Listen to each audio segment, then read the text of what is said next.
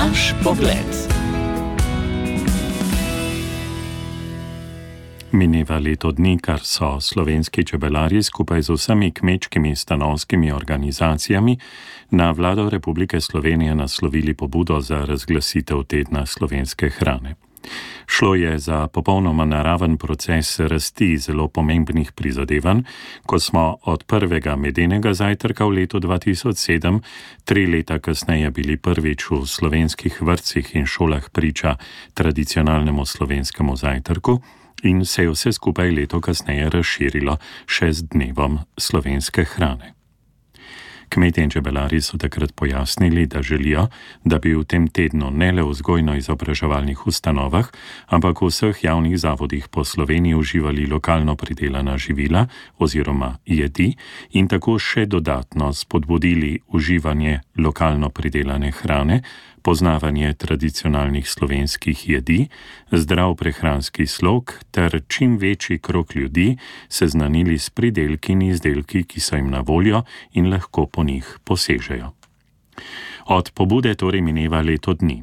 Čeprav so nevladne organizacije v začetku meseca odgovorne na to pobudo spet spomnile, letos teden slovenske hrane še ni uradno razglašen.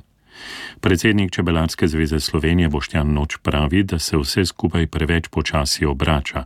Na kmetijskem ministrstvu pa odgovarjajo, da pobudo podpirajo, da so preverili in se z njo strinjajo vsi, ki se jih dotika in je zato uvrščena v proceduro za uradni sprejem.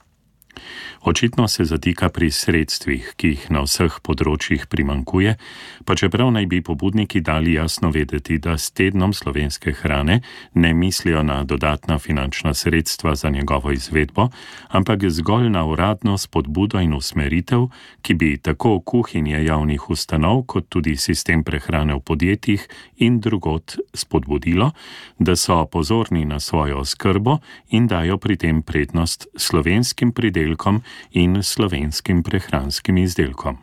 Za vsak obrok je namreč potrebno nabaviti živila, in če se z njimi oskrbiš od domačih ponudnikov, pač daš prednost lokalni prehranski verigi in ekonomiji, in dokazano tudi dolgoročno vlagaš v zdravje. Zanimivo je, da zadnja leta tradicionalni slovenski zajtrk ni na voljo vsem otrokom in šolarjem. V akcijo je namreč vključeno dve tretjini slovenskih vrtcev in šol, natančneje 492 vzgojnih zavodov. Prva leta so hrano za ta namen darovali čebelarji, kmetje, zadruge in tudi nekatera živilska podjetja.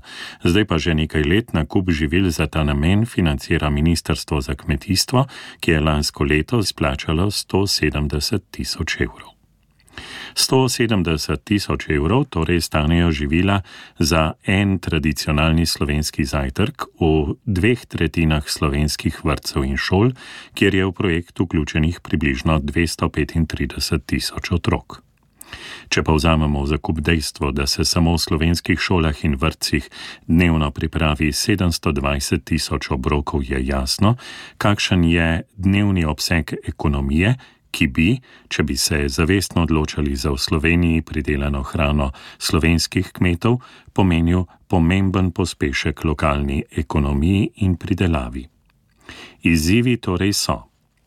Ljudje smo bitja odnosov in zgodb, zato je prav, da si v dobro smer pomagamo z vsem, kar nas pri tem podpira. Projekt tradicionalnega slovenskega zajtrka je gotovo ena od svetlih točk, razglasitev tedna slovenske hrane pa bo vsem tem prizadevanjem dala še dodaten zagon. Morajo pa prav vsi deležniki storiti vse, kar je v njihovi moči, da bo na tej poti čim manj težav in bo vse skupaj gladko potekalo. In ne glejmo samo na druge.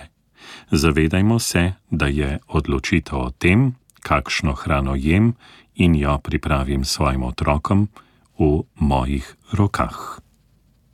Komentar sem pripravil in prebral Robert Božič. Naš pogled.